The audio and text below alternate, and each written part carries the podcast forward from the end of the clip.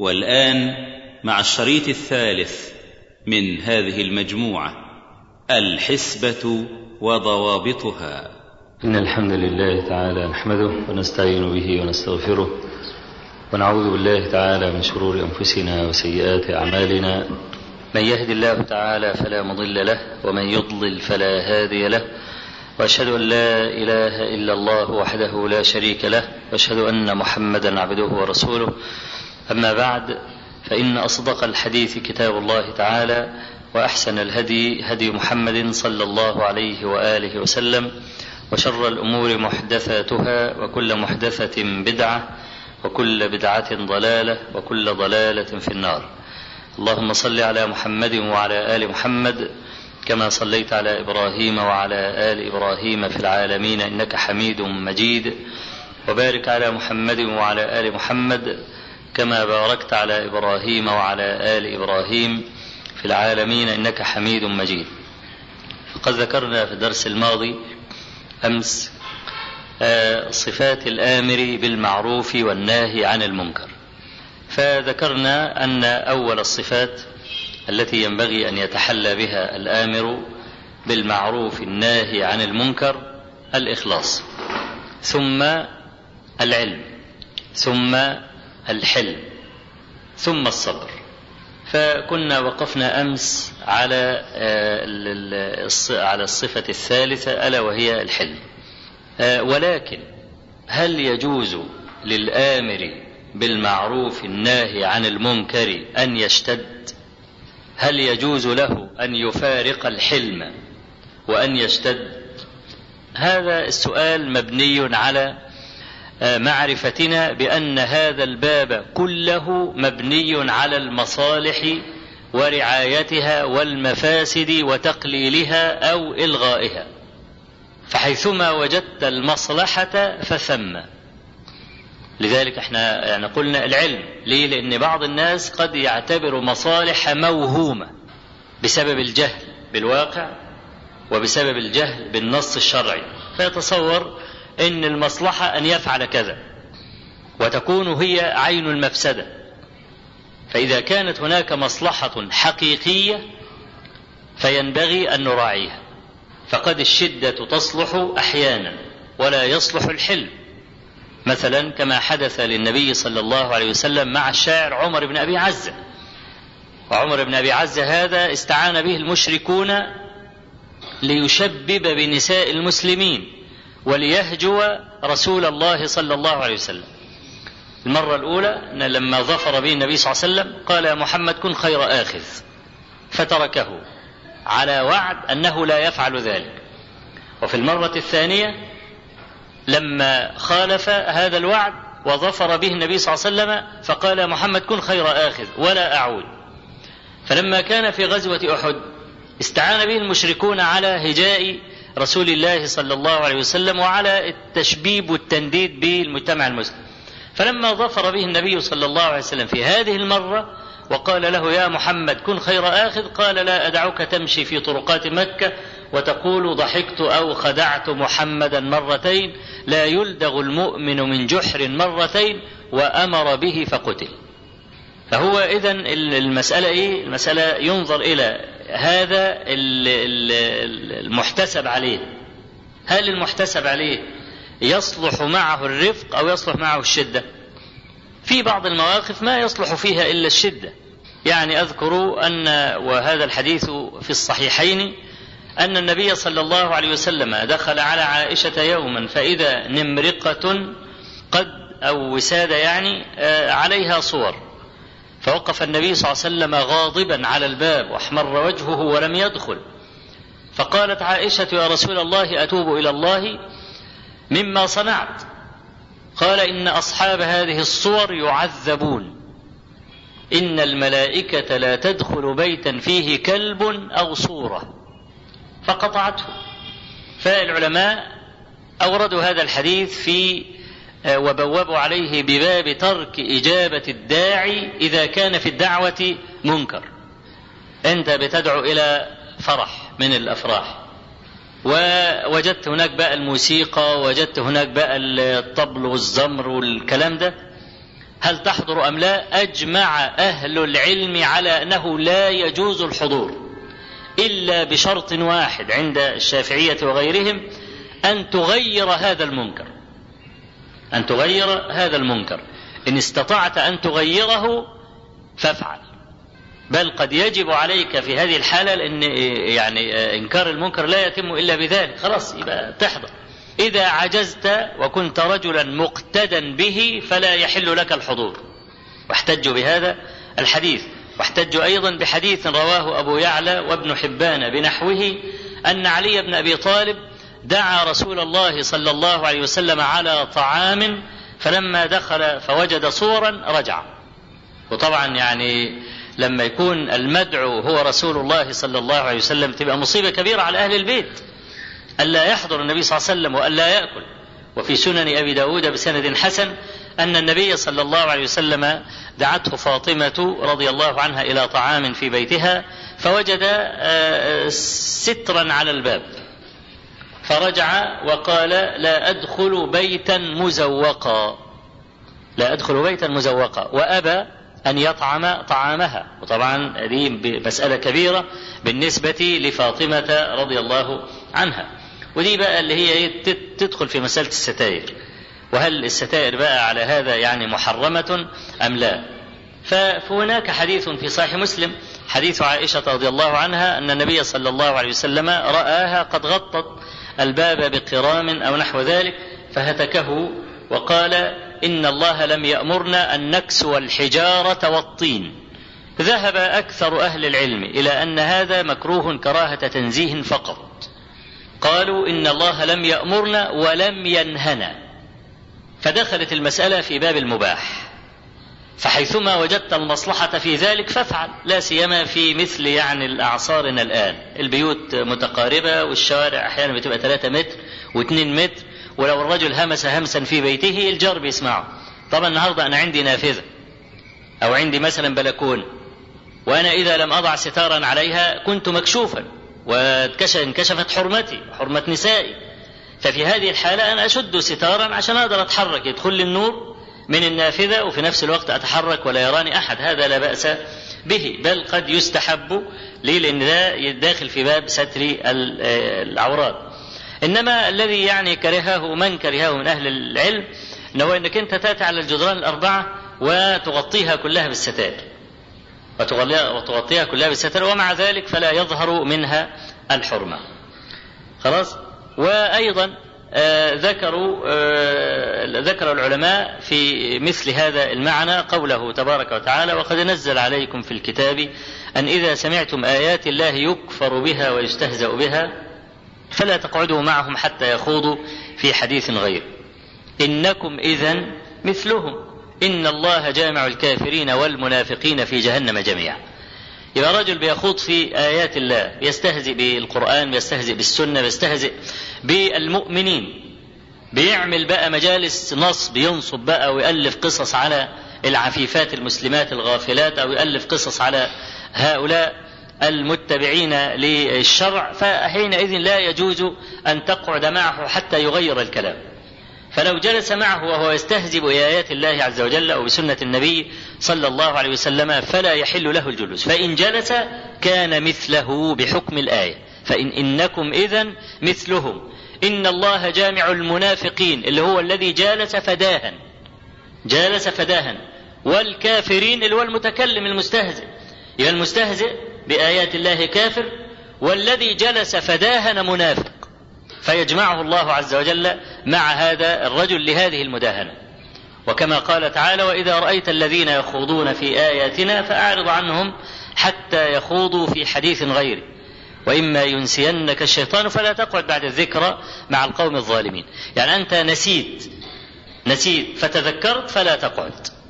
خلاص؟ يبقى, يبقى أي مجلس من المجالس فيه استهزاء بآيات الله فلا يحل للمسلم أن يجلس إلا إذا كان يغير. ده هو ده بقى الشرط الوحيد الذي يجعله يجلس مع هؤلاء. وكذلك ما يعني ما يذكر في باب الشدة بقى في في النهي عن المنكر ما رواه الإمام أحمد في كتاب الورع وكذلك رواه مسدد ابن مسرهد في مسنده ومن طريقه رواه الطبراني في معجمه بسند قوي وهو عند البيهقي أيضا أن عبد الله بن عمر دعا الناس وآذنهم في عرس ابنه سالم. فجلس بعض الصحابة ويشاركون عبد الله بن عمر إيه فرحته بزواج ولده سالم. إذ جاء أبو أيوب الأنصاري فوجد ستورا مرخاة على الأبواب. فأخذ بعضاضة الباب وقال أنتم الذين تسترون الجدران قال سالم فاستحيا أبي وخفض رأسه وقال غلبنا النساء يا أبا أيوب. قال لئن كنت أخشى أن يغلب النساء أحدا فلا يغلبنك. فلا ذقت طعامكم أو قال فلا طعمت عندكم سائر اليوم ورجع. فإما أن يكون أبو أيوب كان يرى التحريم بدليل أن في صحابة جلوس ويكفي أن ابن عمر لم يرى بأسا بذلك. فهو على الأقل اختلاف مجتهدين مع بعض مسألة يعني مش متفق عليها أوي. فإما أن يكون أبو أيوب كان يرى التحريم تحريم الستائر والكلام ده أو كان يحاكم ابن عمر إلى ورعه لأن ابن عمر وما يعرف عنه من الاتباع والكلام ده كان ينبغي أن يأخذ بالأقوى وبالأفضل وبالأورع. فإذا كان المسألة دي فيها اختلاف فعلى مقتضى الورع أنت تترك الإيه؟ تترك الفعل رعاية للخلاف في المسألة. لأن الورع هو هذا بابه. خلاص؟ ومع ذلك فالمسألة كما قلت لكم ابن عمر لا يرى بذلك بأسا وكذلك الصحابة الذين كانوا يجلسون لا يروا بذلك بأسا. فهذا بلا شك شدة لأن الرجل يعني يأتيك في عرس ابنك المفروض أنه يجامل يجاملك الكلام ده يوم يتخذ منك هذا الموقف يقول والله لا طعمت طعامكم سائر اليوم ثم يرجع. وأبو أيوب طبعا ده هذا رجل من رجل وزنه ثقيل. رجل كبير نزل النبي صلى الله عليه وسلم على داره يوم نزل إلى المدينة مهاجرا. وكذلك الحديث الذي تعرفونه جميعا حديث أبي هريرة في صحيح مسلم لما النبي صلى الله عليه وسلم كان في بستان أحد الأنصار والصحابة خافوا عليه بحثوا عنه فلم يجدوه. فأبو هريرة دخل إيه من جدول ماء ها ومن قبو هكذا في نهاية في أصل سور هذا البستان فوجد النبي صلى الله عليه وسلم مسندا ظهره إلى الحائط فلما رآه قال أبو هريرة قال نعم يا رسول الله قال ما جاء بك؟ قلت يا رسول الله اقتطعت دوننا وخشينا أن تصاب بأذى ففزع الناس وفيهم أبو بكر وعمر. فالمهم النبي صلى الله عليه وسلم قال له خذنا علي هاتين فأول من تلقاه خلف هذا الحائط يشهد أن لا إله إلا الله مستيقنا بها قلبه فبشره الجنة. لما خرج لقي عمر بن الخطاب فبشره الجنة عمل إيه عمر بن الخطاب معه؟ ضربه. ولما رجع أبو هريرة ووجهه أحمر يكاد أن يبكي. قال أجهشت بكاء أي قاربت على البكاء. أجهشت بكاء. فلما سأله النبي صلى الله عليه وسلم عن عما جرى له قال ضربني عمر. وكان عمر على أثره فقال رسول الله أنت قلت لهذا كذا وكذا؟ قال نعم. قال يا رسول الله خل الناس يعملوا. قال خليهم يا عمر. ولم يعتب رسول الله صلى الله عليه وسلم على عمر بن الخطاب أنه ضرب أبا هريرة. ولم يقل له لا يجوز لك ذلك أو لا يحل لك ذلك. إذا المسألة مسألة بقى إنك أنت تشتد على المحتسب عليه أو ترفق به دي بترجع إلى الآمر الناهي اللي إحنا عمالين نذكر الصفات بتاعته. لأجل هذا قلنا لابد من العلم أولا. العلم هذا بيعطي بصيرة للإنسان. متى يقول الكلمة ومتى يمسك عنها. ورب كلمة قالت لصاحبها دعني. ممكن إنسان يتكلم بكلمة يفسد وهو يريد أن يصلح. فالعلم هو الحاكم في هذه المسألة. تمام؟ يبقى إذا لما عندما نقول آه الحلم هذا هو الأصل. هذا هو الأصل. بالحلم وبالرفق تستخرج الحية من جحرها. تمام؟ لكن إذا كان الأمر يستحق أن تشتد فلا بأس بذلك إذا رأيت المصلحة. ووضع الندى في موضع السيف بالعلا مضر كوضع السيف في موضع الندى. يعني لما يكون واحد مثلا يحتاج إلى عملية جراحية عايز يعمل زايدة مثلا وبيتألم وبيتنطط ومش قادر يعني يتحمل الألم ما أجيش أجيب مرهم وأدهن له لأن أنا صعبان عليا أفتح كرشه. لا أفتح كرشه. ليه؟ لأن هو ده الصح. هو سلامته وراحته أن أنا أستخدم المشرط. خلاص؟ يبقى إذا كان الاستخدام المشرط هو الصح وهو الرحمة أستخدمه. تمام؟ إذا كان استخدام المرهم هو الرحمة أستخدمه. يبقى إيه المسألة مربوطة بالايه بالمصلحة وإحنا إن شاء الله يعني في يعني فيما يستقبل يعني من هذا الدرس غدا بإذن الله. هنتكلم بقى عن المصلحة وضوابط المصلحة وما هي المصلحة لما نتكلم عن درجات الأمر بالمعروف والنهي عن المنكر. الصفة الأخيرة التي نذكرها في صفات الآمر بالمعروف الناهي عن المنكر هي صفة الصبر. ولولا الصبر لكفر الناس. لأن الصبر هو إمساك النفس عن الجزع إذا وقع قضاء الله. وهو احتمال النفس الكد. وهو ثبات باعث الدين إذا اعتراه باعث الشهوات. وتكرر الصبر في أكثر من سبعين موضعا في القرآن الكريم. ولذلك قال الدقاق عندما تلا قوله تعالى إن الله مع الصابرين قال فاز الصابرون بعز الدارين وبمعية الله. إن الله مع الصابرين. وقال الله عز وجل واصبر وما صبرك إلا بالله. وقال ربنا تبارك وتعالى فاصبر صبرا جميلا. الصبر الجميل هو الذي لا شكوى معه والصبر مر مأخوذ من اسمه. يعني لما يكون حاجة شديدة المرارة بتقول ده صبر. صبر أي شديد المرارة. فالصبر لا شك أنه مع هذه المرارة يحتاج إلى احتمال. والآيات كثيرة جدا في ذكر الصبر. واستعينوا بالصبر والصلاة وإنها لكبيرة إلا على الخاشعين. بلى إن تصبروا وتتقوا لا يضركم كيدهم شيئا. فلا بد من الصبر. وأنت عندما تنظر إلى موقف النبي صلى الله عليه وسلم في صلح الحديبية يا له من صابر يا له من صابر على الاشتراطات التي جاء بها سهيل بن عمرو. ما يكاد إنسان يتحملها خلاص بنكتب الشروط الهدنة بين بي بي بيننا وبين قريش.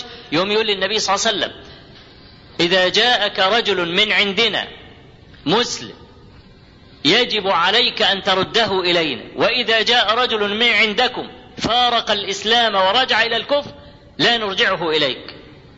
عمر بن الخطاب لم يتحمل هذه المسألة. ويقول للنبي صلى الله عليه وسلم فلما نرضى بالدنية في ديننا؟ عشان إيه يعني؟ عشان إيه؟ إحنا لو طلعنا عليهم حنسبهم جلد على عظم لكن الصحابة كانوا كانوا شجعانا وكانوا أقوى الناس قلوبا. ومع قلة عددهم وعدتهم ما غلبوا قط إلا عند المخالفة في غزوة أحد. ومع ذلك كانت الدولة لهم أول النهار. اكتسحوهم أول ما بدأ القتال. فلما خالفوا أمر النبي صلى الله عليه وسلم غلبوا. وهكذا تجد الهزيمة دائما مع المخالفة. وتجد الضنك دائما مع المخالفة. المخالفة والضنك والهزيمة شقيقان قرينان لا يفارق أحدهما الآخر سواء كان على مستوى الأفراد أو الجماعات كان على مستوى الدول أو على مستوى الأسر. فلما خالفوا غلبوا. لكن كانت الدولة كما قلت لكم في أول النهار للمسلمين. فإذا لما ننظر بقى للنبي صلى الله عليه وسلم وكيف صبر ويقول له طيب اكتب بسم الله الرحمن الرحيم. يقول أما الرحمن فما نعلم ولكن اكتب ما نعرف. باسمك اللهم يوم يوافقهم اكتب باسمك اللهم. واحد بيتلك واحد مش عايز يعمل حاجة فخلاص. وجاي بقى ونافع مناخيره في السماء. الصحابة ما يتحملون هذا أبدا. ومع ذلك النبي صلى الله عليه وسلم يقول له اكتب. يقول له طيب من محمد رسول الله. يقول له لو علمنا أنك رسول الله ما قتلناك. لكن انسب نفسك إلى أبيك. اكتب من محمد. يقول له خلاص من محمد بن عبد الله. والله إني لرسول الله حقا خلاص؟ في بعض الروايات كان اللي بيكتب علي بن أبي طالب. فقال له النبي صلى الله عليه وسلم يا علي امحو رسول الله. هو كتب كده من محمد رسول الله. قال له لا. لو علمنا أنك رسول الله ما قتلناك. قال له طيب يعني امسح كلمة رسول الله واكتب إيه؟ واكتب عبد الله. امحو رسول الله. فقال علي والله لا أمحوك أبدا. فأمسك النبي صلى الله عليه وسلم بالكتاب وحكه وما يحسن يكتب. ونسب نفسه إلى أبيه. ده ومع ذلك نزل قوله تعالى إنا فتحنا لك فتحا مبينا بسبب صلح الحديبية مش بسبب فتح مكة. عشان كده النبي صلى الله عليه وسلم إيه؟ قال إني رسول الله ولست أعصيه وهو ناصري. برغم إن الشكل شكل هزيمة وشكل مرارة كده وشكل ذل ومع ذلك يقول له إني رسول الله يقول لعمر بن الخطاب إني رسول الله ولست أعصيه وهو ناصري. خلاص يبقى اذا هو متبع. قال له اعمل كده خلاص يتبع. إيه اللي جاي بعد كده؟ أنا ما أعرفش. لكنه إذا كان آتيا من مصدر قطعي الثبوت قطعي الدلالة فما يحل لي أن أخالف. قطعي الثبوت أي عن الله عز وجل قطعي الدلالة أن الله سينصره قولا واحدا. يبقى خلاص؟ يبقى أنا أنفذ. فاستقم كما أمرت. ما عليك إحراز النتائج ولكن عليك الاستقامة. تمام؟ فهو مسألة الصبر وضبط النفس هذه مسألة مهمة جدا بالذات بالنسبة لمن يتخذ القرار. لا بد أن يكون صبورا ولا بد أن يكون حليما. لا يعجل كعجلة أحدنا. ليه؟ أنا بعجل ليه؟ لما واحد يهني. لماذا أعجل؟ لأنني أولا أخشى أن يفوتني مناط الانتقاء. لو واحد آذاني فأنا إذا لم آخذ بحق الآن ربما عجزت أن أنا آخذ حقي بعد ذلك. لكن ده أنا السلطان ومسألة فوات أخذ حقي لا لن يفوت. يبقى أنا هتعجل ليه؟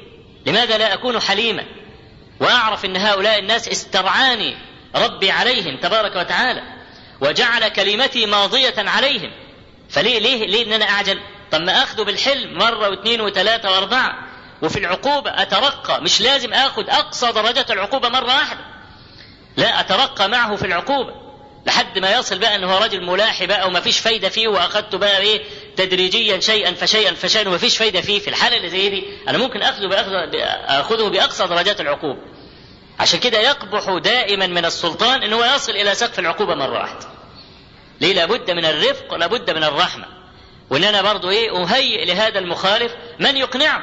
يعني أحيانا مثلا بالذات في مسألة الفكر المنحرف. فكر منحرف لما تجيب له مثلا علماء رسميين هو هذا الإنسان يعتقد إن كل العلماء الرسميين موالين للدولة ويعتقد أنهم منافقون وإن هم باعوا دينهم. دي مسألة مستقرة عند كل صاحب فكر منحرف يناهض الدولة. فأنا ليس من الحكمة أن أنا أجيب له المتهم من وجهة نظرية علشان يقنعه. يا رب يكون أعلم الناس لن يقتنع. طب أنا أشوف واحد هو محترم عند هذه الجهة وكلامه ممكن يكون مسموعا. وبعدين أقنعه لأن رجوع هذا الإنسان المخالف إلى سياق الحياة المدنية المستقيمة في المجتمع أفضل من أنه هو يفضل طول عمره كده أو أن أنا أسجنه. طب لأنه قد يكون إنسان له ذهن وله فكر المجتمع ينتفع به فاستصلاحه أولى من إعدامه أو أولى من سجنه. وكم من طاقات مهدرة أو المجتمع خسرها بسبب العجلة في هذا الأمر. يبقى المصلحة إن أنا أجيب له ناس محترمين يناقشوه خلاص. يستطيع أنه يقتلع الفكر من دماغه يستطيع أنه يقنعه الكلام ده ماشي الحال. لكن ما أجيبش واحد متهم حتى وإن كان أعلم الناس. وأنا لا أناقش الآن صاحب الفكر المنحرف أهو محق في رمي هؤلاء بالنفاق ولا لا؟ دي مش موضوعنا. أنا لا أناقش هذا لكن هذا الإنسان كيف يستصلح؟ فالمسألة تحتاج إلى صبر وتحتاج إلى ضبط نفس. عشان كده ربنا عز وجل لما ذكر وصية لقمان لابنه. قال يا بني أقم الصلاة وأمر بالمعروف وانهى عن المنكر واصبر على ما أصابك. أي رجل متصدر لدعوى الإصلاح لابد أن يؤذى لابد أن يؤذى عشان كده بنقول العلم. وللعلم شقان ضروريان. الشق الأول العلم نفسه والشق الثاني حاجة اسمها سياسة العلم. سياسة العلم دي خاضعة لما يسميه العلماء بفقه النفس. فقه النفس. وطبعا أي إنسان يفتقد فقه النفس يضر بعلمه أكثر مما ينفع. فقه النفس اللي هو الحكمة. أن تضع الشيء في موضعه. وأنا أذكر مرة في بعض الناس آه يعني ذكر أن كان في ولد صغير سنه حوالي عشر سنوات. وكان الولد ده يسرق يعني ما يجده أمامه كراسة ألم أي حاجة كان يسرقها فهذا الولد له خالان. خال عجول وخال حكيم. الولد ده سرق قلما من خاله العجول. فطبعا بدون خاله ما يفكر يبقى مين اللي سرق؟ فلان. جابوا اداله قلمين ثلاثة والكلام ده. هات القلم قال له ما شفتش حاجة. خاله الحكيم قال إيه؟ قال لا هو ما سرقش ده أنا اللي مديله القلم لكن هو ما سرقوش فده بيسرق برضه. آه قال له أنت عارف القلم اللي اديته لك امبارح؟ روح هاته قام رايح جاي. قال حتى الولد سنه 10 سنين وأنت لما 10 سنين تيجي تقول له يا حرامي هو أنت فاكره هيسلم لك مثلا؟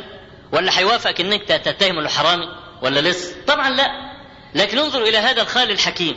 حب إنه يستخرج المسألة دي. خلاص يبقى هات القلم بقى إيه؟ بطريقة كريمة يعني. أنا القلم اديته لك امبارح ده هاته. خلاص يروح يجيب. هي دي بقى سياسة العلم. يبقى عندنا العلم وسياسة العلم اللي هي الحكمة. الحكمة. النهارده رجل أنا مد... عايز أمره وأنهاه. عندي علم وعندي فقه. أقدر أوزن هذا البني آدم وأعرف متى أقول له الأمر. كلمة ونص.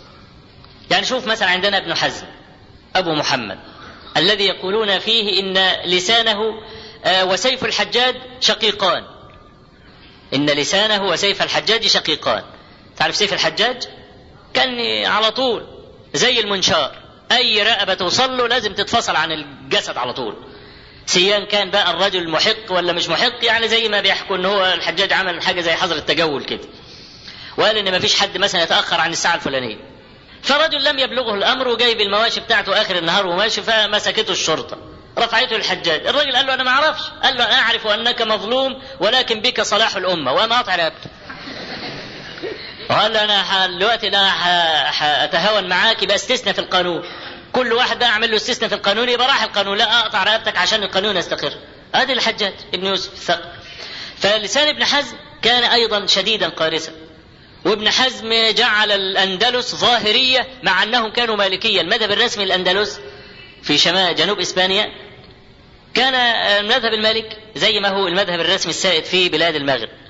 ابن حزم بما له من قوة العارضة قدر إن هو ينتصر عليهم جميعا وكل المناظرة يغلبهم فيه. ومع ذلك ما, ما الذي آل إليه أمر ابن حزم في الآخر خالص؟ أحرقوا كتبه وأرجعه السلطان إلى مسقط رأسه. بسبب إيه؟ أنه لم يكن يحسن سياسة العلم. ما عندوش فرق ما بين الإمام الكبير والصغير. الراجل الضخم الكبير والصغير ما بيراعيش منازل حد. يقول لك أهم حاجة عندي الحق الحق فوق الجميع. ما تفرقش عندي كبير صغير لا.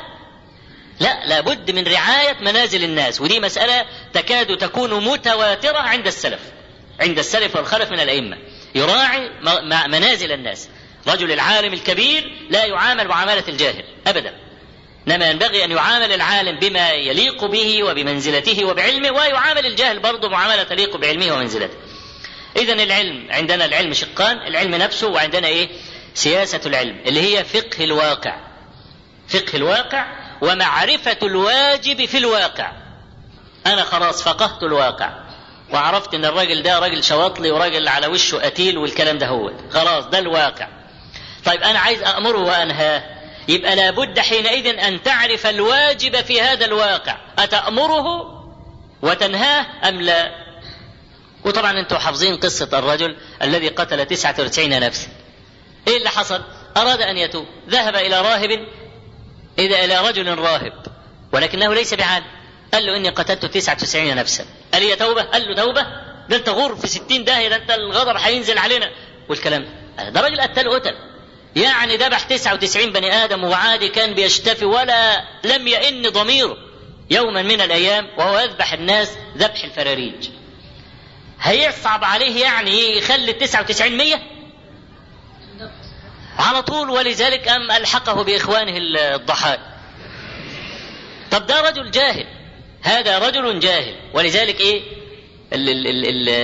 في الحديث قال لك إيه؟ ثم أذن الله له بتوبة فسأل دلوني على أعلم أهل الأرض فدلوه على راهب عالم. فلما وصف الراهب الثاني بالعلم علمنا أن الأول كان جاهلا. خلاص؟ وحتى لو لم يكن راهب عالم لعلمنا أن الأول جاهل. برضه ليه؟ لأن ده رجل قاتل لا يتورع أن يقتله. كان ممكن يقول له تعالى بكرة تعالى بالليل مثلا. طب أما أسألك طب أما أتشاور؟ خلاص. أو يهرب بجلده يعمل أي حاجة لكن يحط نفسه قدام القطر فده ده ده بقى معرفة الواجب في الواقع. يبقى فقه الواقع ده أو فقه النفس. اللي اسمه فقه فقه الواقع. علمت الواقع؟ طيب ماشي. ما هو الواجب في هذا الواقع؟ ده علم تاني برضه. وهو مسألة تنزيل النص على الواقع. فالمسألة مش مش سبهللة كده. يبقى أنا عندي بقى شرط العلم. قبل الإنكار هذا شرط ضروري ركن. ركن. لابد أن يكون المرء عالما بالجهتين معا. العلم ويكون عالما بفقه الواقع أيضا. وأن يكون صبورا وألا يكون عجولا. العجلة من الشيطان والعجلة لا تأتي أبدا بخير. وأنا من واقع يعني خبرتي وتجربتي الطويلة ما وجدت أفضل من الصبر عن المسيء. إنسان يسيء اصبر عليه واحلم لا سيما إذا كنت متصدرا للإصلاح أو إذا كنت من أهل العلم أو من طلبة العلم أو بتتزيف زي أهل العلم. لابد من الصبر والصفح. ولذلك أمر الله عز وجل نبيه صلى الله عليه وسلم قال له فاصبر صبرا جميلا. ووصف الجميل في أكثر من موضع لكن كل المواضع فيها نوع من الملاحاة. واهجرهم هجرا جميلا. فصبر جميل. الصبر الجميل الذي لا شكوى معه. والهجر الجميل الذي لا أذى معه. فاصفح الصفح الجميل. الصفح الجميل الذي لا عتاب معه. يبقى عندنا صبر جميل. وصفح جميل وهجر جميل. مش دي كلها مواضع الواحد بيزعل فيها؟ هو هيهجر ليه؟ مش زعلان؟ هو هيصفح عن إيه؟ مش عن ذنب؟ هو هيصبر على إيه؟ مش على مر؟ أهو. يعني المواضع الثلاثة كلها يعني فيها ما هو ضد طمأنينة النفس. يوم يأمرنا ربنا عز وجل بأن نرتكب الجميل في هذه المواضع الثلاثة. خلاص؟ يبقى عندنا إيه؟ عندنا بقى نشوف بقى صفات. الآمر بالمعروف النهي عن المنكر. الإخلاص طبعا إحنا ممكن نحط صفات أخرى لكن هي دي الصفات اللي يمكن عليها إيه أكثر المحا يعني أكثر المحاور والكلام. أي صفة هتجيبها ممكن تندرج تحت صفة من هذه الصفات التي ذكرناها. يبقى الإخلاص والعلم قبله والحلم معه والصبر بعده. يبقى دي دي الصفات. طيب إيه الشروط بقى؟ إيه ما هي شروط الآمر الآمر بالمعروف النهي عن المنكر. أول شرط الإسلام. كما قلنا في مطلع الدرس الماضي إن الكافر ارتكب أعظم المنكرات جميعا ألا وهو الكفر. فلا يقال لمن ارتكب الكفر إنكر. هينكر إيه بقى؟ كل ما يأتي بعد ذلك يعتبر يعني الكفر بالنسبة له سماء. ولأن الحسبة من تكاليف الخاصة من الولايات. ولا يتولى كافر على مسلم. كما قال تعالى ولن يجعل الله للكافرين على المؤمنين سبيلا. يبقى أول شرط من شروط المحتسب الإسلام. ثاني شرط التكليف. لابد أن يكون مكلفا.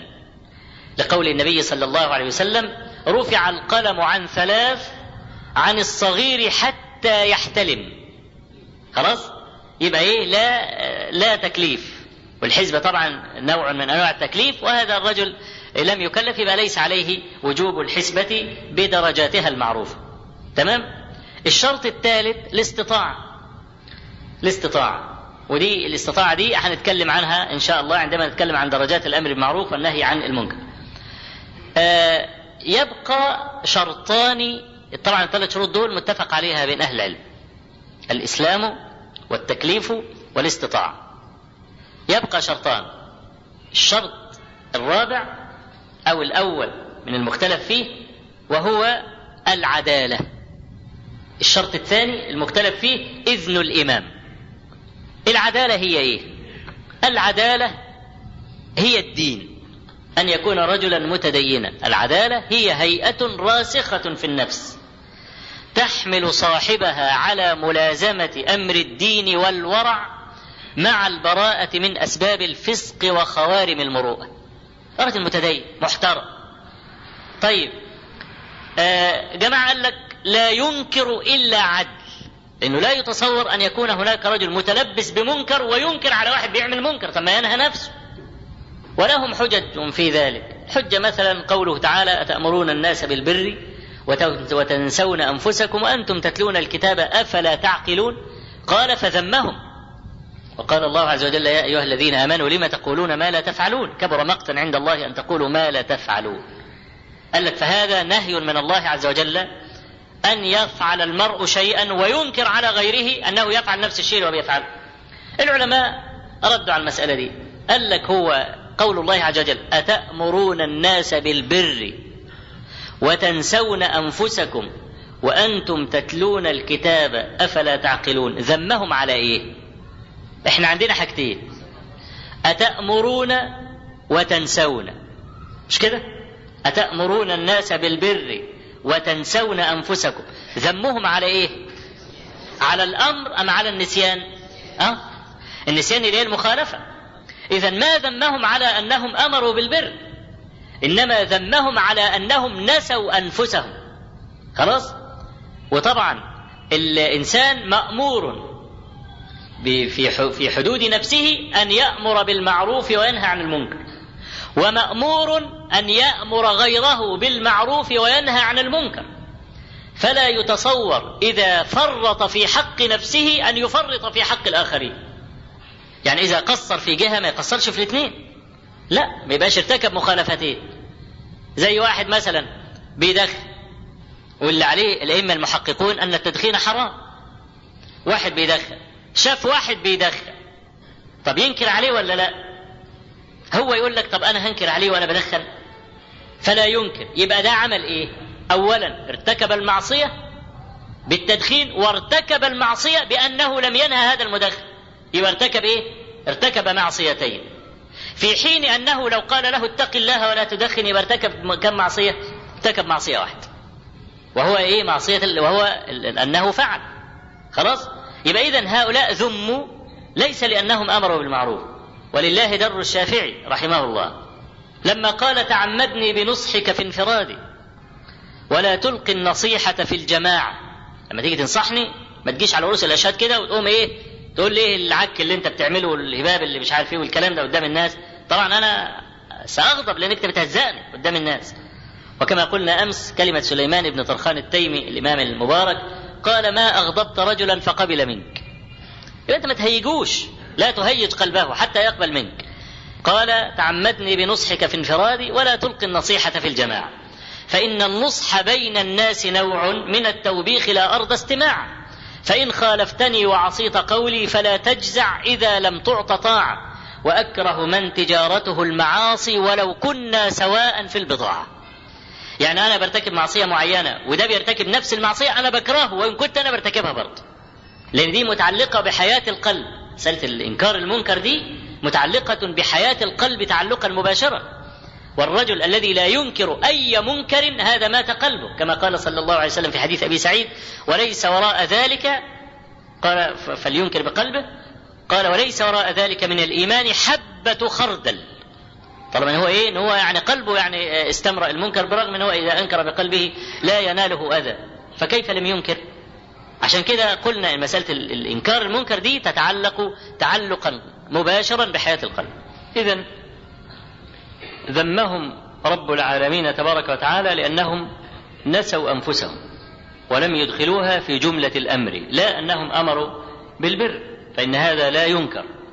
وكذلك احتجوا بحديث أسامة ابن زيد وهو في الصحيحين يجاء بالرجل يوم القيامة فيلقى في النار فتندلق أقتابه من دبره فيدور حولها كما يدور الحمار في الرحى فيقولون يا فلان ألم تكن تأمرنا بالمعروف وتنهانا عن المنكر؟ يقول بلى كنت آمركم بالمعروف ولا آتيه وأنهاكم عن المنكر وآتيه. برضو ده الكلام عنه أو الجواب عنه هو نفس الجواب عما ذكرناه في تفسير الآيتين. وكذلك برضو حينتظم الجواب على برضو الحديث الذي رواه الإمام أحمد حديث أنس رضي الله عنه أن النبي صلى الله عليه وسلم رأى ليلة أسري به رجالا تقرض شفاههم بالمقاريض فسأل عنهم فقالوا له هؤلاء خطباء أمتك الذين كانوا يأمرون بالبر وينسون أنفسهم. وبعدين لو كان من شرط الآمر الناهي أن يكون عدلا بمعنى لا يرتكب عصيانا لانسد باب الأمر بالمعروف والنهي عن المنكر. لأن كل واحد منا يشتمل على معصية. فلو كان من شرط الآمر الناهي الا يعصي ربه لانغلق هذا الباب وهذا يعني إذا تبنيناه كان فيه من الفساد ما لا يعلمه إلا الله. لأننا نقطع جميعا أن كل الناس فيما عدا الأنبياء ليسوا بمعصومين. وانه تصدر منهم الخطايا وتصدر منهم الذنوب. وطبعا واضح في قوله صلى الله عليه وسلم لو لم تذنبوا لخسف الله بكم الأرض ثم جاء بأقوام يذنبون فيستغفرون فيغفر لهم. وقال آه النبي صلى الله عليه وسلم كل بني آدم خطاء. خلاص الذنب ملازم للإنسان لا ينفك عنه مطلقا. ولكن يجب عليه أن يتوب إذا فعل الذنب. يبقى اذا مسألة اشتراط العدالة. بمعنى الا يقع منه ذنب هذا اشتراط فاسد. والصواب عدم اشتراط العدالة في الآمر الناهي. يبقى إذن الإمام. هل لا بد أن يأذن الإمام أو الوالي لك حتى تأمر بالمعروف وتنهى عن المنكر الذي عليه جماهير العلماء أنه لا يشترط إذن الإمام إلا في استخدام السلاح. وده فرق بقى ما بين الأمر بالمعروف والنهي عن المنكر والجهاد. أحد الفروقات ما بين الجهاد وما بين الأمر بالمعروف والنهي عن المنكر. لا يجوز لاحد الرعيه أن يستخدم السلاح في الأمر بالمعروف والنهي عن المنكر. النبي عليه الصلاة والسلام قال من رأى منكم منكرا فليغيره بيده. فإن لم يستطع فبلسانه. فإن لم يستطع فبقلبه. يبقى عندنا ثلاث درجات. ومن عند العلماء علماء الأصول من صيغ العموم. من من صيغ العموم؟ أي أنها تعم كل المخاطبين من هذه الأمة. يبقى إذن الإمام يشترط في الجهاد. طالعين نجاهد وتعقد الراية والكلام ده. هو تبقى يشترط إذن الإمام فيها. إنما الأمر بالمعروف والنهي عن المنكر لا. قصاراها أن تستخدم يدك. إذا كنت ترى أن المصلحة في ذلك أن تكون صاحب سلطان. يعني الجماعة اللي هم قال لك من رأى منكم منكرا فليغيره بيده قال لك دي للحاكم. فإن لم يستطع فبلسانه قال لك يبقى دي للعلماء. فإن لم يستطع فبقلبه قال لك دي للعوام. هذا كلام فاسد. لا يصح ولا يجوز. إنما يستخدم يده إذا كان له ولاية ايا كان هذا الإنسان. يعني أنا مثلا لي ولاية على أولادي يبقى أستخدم إيدي لما أضرب ابني أنا لي الحق في ذلك يبقى دي من له ولاية أو كان الضرب باليد يحقق الأمر بالمعروف والنهي عن المنكر بدون حصول مفسدة راجحة تكون أكثر من المنكر الذي أنكرناه كما سيأتي تفصيله إن شاء الله عندما نتكلم عن درجات الأمر بالمعروف والنهي عن المنكر. وهناك أدلة كثيرة جدا من السنة تدل على عدم اشتراط إذن الإمام للأمر بالمعروف والنهي عن المنكر، منها الحديث الذي ذكرناه أمس وهو أن رجلا اعرابيا دخل المسجد فبال إيه؟ فبال في ناحية من المسجد فهم الصحابة به فقال النبي صلى الله عليه وسلم لا تزرموه ولكن أريقوا على بوله ذنوبا من ماء. الصحابة لما حبوا ينكروا استأذنوا بل هذا إنكار في حضرة الإمام. انكروا في حضرة الإمام ومع ذلك لم يقل لهم لا يجوز لكم أن تنكروا بل لابد أنكم تستاذنوني الأول. طب الصحابة أنكروا ليه؟ بدون ما يرجعوا حتى ولا ينظروا للنبي صلى الله عليه وسلم، لما استقر في نفوسهم من نجاسة البول. دي مسألة مستقرة عندهم. أكون الأعرابي بقى مع مع طبعا مال المسجد من المكانة والكلام ده كون الأعرابي لا يعرف آه جاهل يعلم لكن الصحابة أنكروا عليه. خلاص؟ وطبعا هذا فيه دليل على جواز الإنكار قبل التعليم لأن في بعض أنا أخشى أن بعض الناس يفهم من كلامي أمس لما قلت علمه الأول وبعدين تنكر عليه. أخشى أن بعض الناس يتصور أن هذا لابد. لا في في شيء معين أنكره وبعدين أعلمه. خلاص؟ إذا كان الموقف يحتمل أولا أن أنا أعلمه الأول وبعدين أن أنهاه خلاص. إذا كان لا يحتمل زي مثلا رجل ينشد الضالة في المسجد. النبي عليه الصلاة والسلام علمنا أننا إذا رأينا رجلا ينشد الضالة في المسجد نقول له إيه؟ نقول له لا وجدت. خلاص؟ طيب النبي صلى الله عليه وسلم لما رأى رجلا ينشد الجمل الأحمر في المسجد الجمل الأحمر بتاعه ضاع. قعد يقول يا جماعة اللي شاف الجمل الأحمر قال له إيه؟ قال لا وجدت. مش قال له تعالى. أنت بتعمل كده ليه؟ وأنت عارف المساجد وعارف لا أنكر عليه. قال له لا وجدت. على طول تمام؟ ليه؟ الموقف يقتضي ذلك وده هندخل بقى في فقه النفس بقى والمعرفة الواجب في الواقع أقدم الإنكار عليه على التعليم ولا أقدم التعليم على الإنكار؟ أنا عايز علم برضه خلاص؟ يبقى اذا ليس بشرط لما بقول لك الأمر بالمعروف مقدم على النهي عن المنكر أنت تتعلمه الأول على حسب الحال إذا رأيت أن هذا أنجع في إيصال الخير وفي النهي عن المنكر افعل إذا رأيت إن تقديم النهي الأول قبل التعليم افعل بشرط أن تتحقق الإيه؟ أن تتحقق المصلحة في ذلك. بل إن الحديث الذي ورد في درجات الأمر بالمعروف والنهي عن المنكر فيه ما يدل على عدم اشتراط إذن الإمام. حديث أبي سعيد الخدري وهو في الصحيحين. قال أبو سعيد الخدري أن النبي صلى الله عليه وسلم والخلفاء كانوا يبدأون يوم العيد بالصلاة ثم الخطبة حتى كان أيام مروان بن الحكم فأبو سعيد الخدري خرج للمصلى وإذا كثير بن الصلت قد بنى منبرا من طين لمروان بن الحكم. وأبو سعيد ماشي مع مروان بن الحكم وإيديهم في إيدين بعض.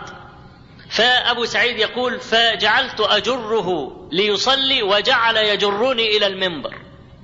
خلاص؟ طب ده طالع المنبر ليه دلوقتي؟ الأصل يصلي وبعدين يخطب. تمام؟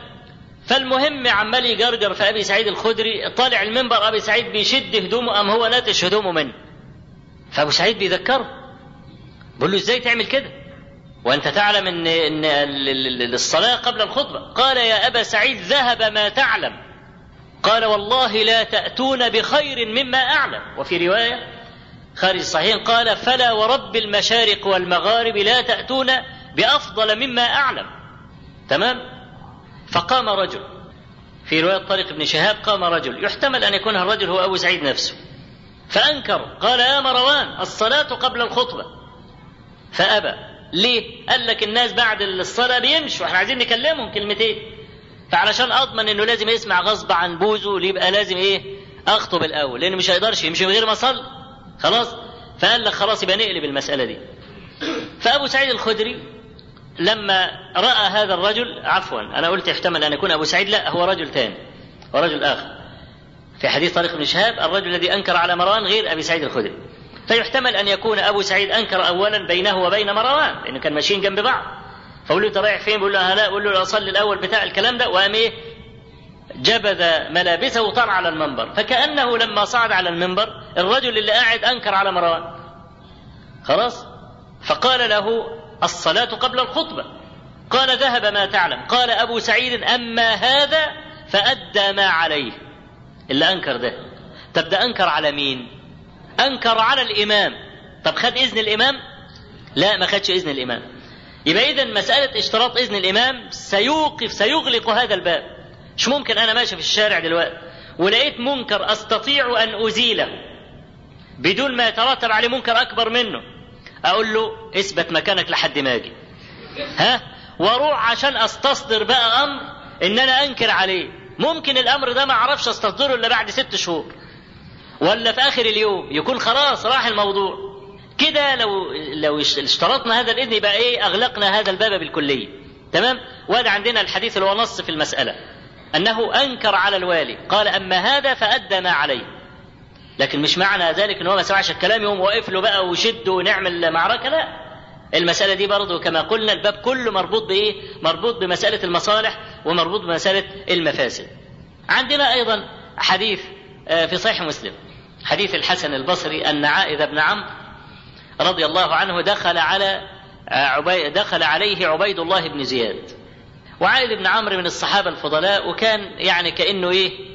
كأنه بيموت يعني. آه قال لو كنت أعلم أن في حياة أن حياتي ستطول ما قلت لك. بس أنا عارف إن أنا إيه هموت ومش هتقدر تعمل معايا حاجة لأن هكون مت خلاص. فعبيد الله بن زياد بيقوم إيه لما دخل عليه يعوده فقام عائذ بن عمرو الصحابي بي يعني بي بيوصيه وبينكر عليه. قال إني سمعت النبي صلى الله عليه وسلم يقول شر الرعاء الحطمة فلا تكن منهم. عبيد بن زياد كان غشوما. فبيقول له يعني ترفق بالرعية فإن شر الرعاء الحطمة، الحطمة اللي هو إيه؟ راجل راعي غنم وأنت عارف الغنم كل غنمايه لها دماغ. ها؟ طق في دماغها تروح يمين تروح وتسيب الإيه؟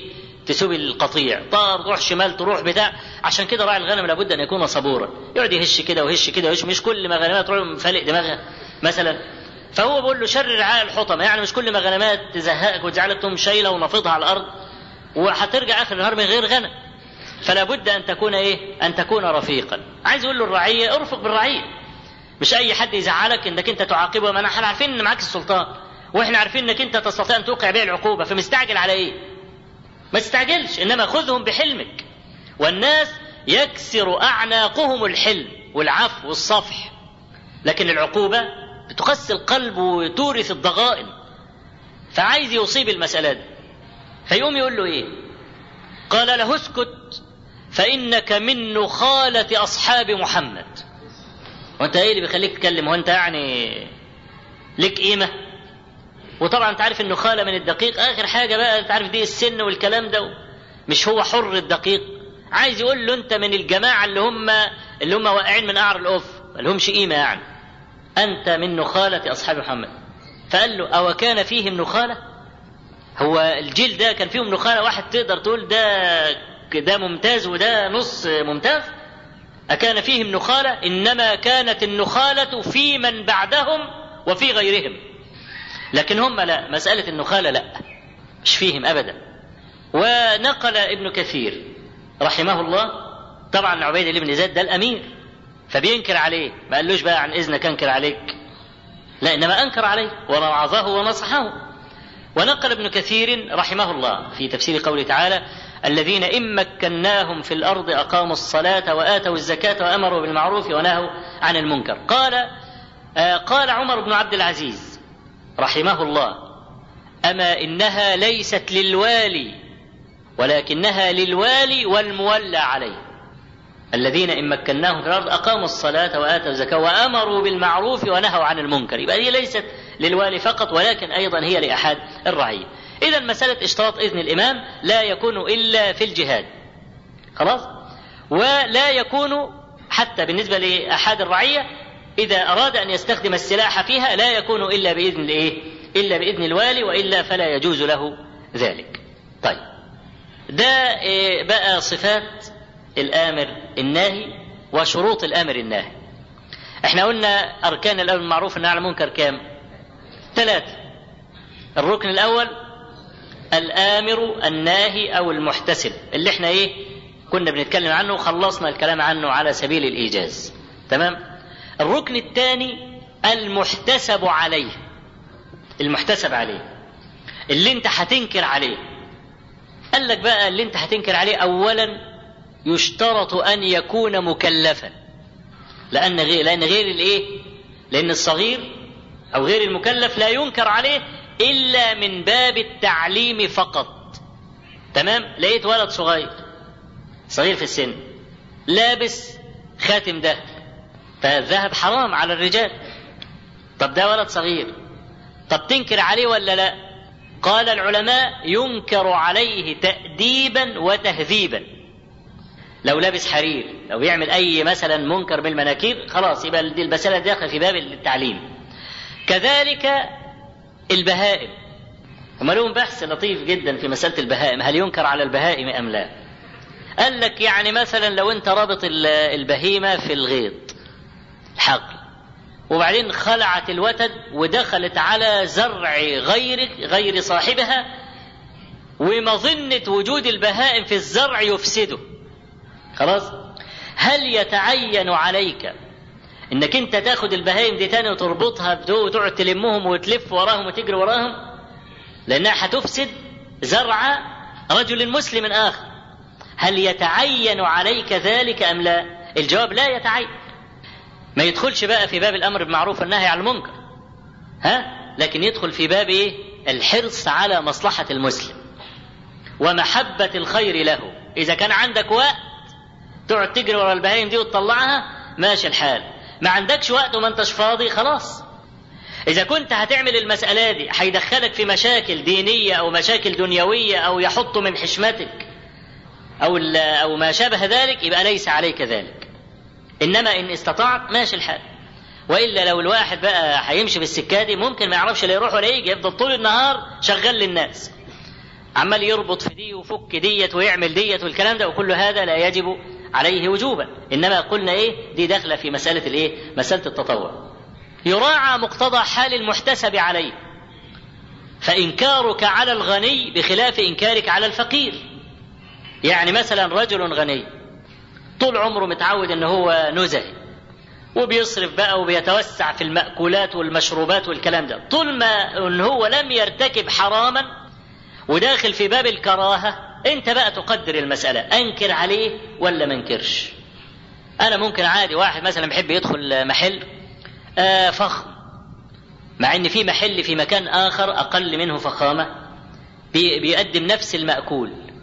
فالمحلات في الأماكن الراقية بتبيع لك سمعة المحل وموقع المحل مش بيبيع لك الأكل فقط. لا لما أكون في مكان راقي مثلا جدا أدخل عشان آكل أكلة سمك مثلا. اكلة سمك في المكان ده هو ب 500 جنيه. هو هيجيب لي مين سيد قشطة يعني؟ ولا هيجيب لي آآ آآ سمك يعني ما حصلش؟ هو سمك هو هو مشوي مقلي مطبوخ أي حاجة. في محل زيه بس في مكان شعبي بيقدم برضه إن على نفس الجودة. هو ده 200 500 جنيه علشان أنت في المكان الفلاني و... وبيبيع لك سمعة المحل ومكان المحل والكلام ده. فهو ما بيحبش ياكل إلا هنا. خلاص؟ وأنا أريد أن أنهى. أقول له يعني بدل ما تصرف الكلام ده في اكله سمك والنبي صلى الله عليه وسلم يقول يقول ابن آدم مالي مالي وهل لك ابن آدم مالك إلا ما أكلت فأفنيت؟ هو الجسم هياكل أنت مثلا أكلت لك 2 كيلو سمك. الجسم عايز نص كيلو بس. طب والكيلو ونص هيروحوا فين؟ إلى حيث تعلم. يبقى يبقى أنت كده كأنك رميت مثلا 300 جنيه في على الأرض. لا هو الغني ما يعرفش يحسب الحسبة دي. هو عنده معطيات أخرى تعود طول عمره عليها والراجل بدأ يلتزم. خلاص. يبقى نترقى مع هذا الإنسان في الإنكار أو في التوجيه. لأن نفسه لا تتحمل. وأنت عندك بقى إيه قصة قارون.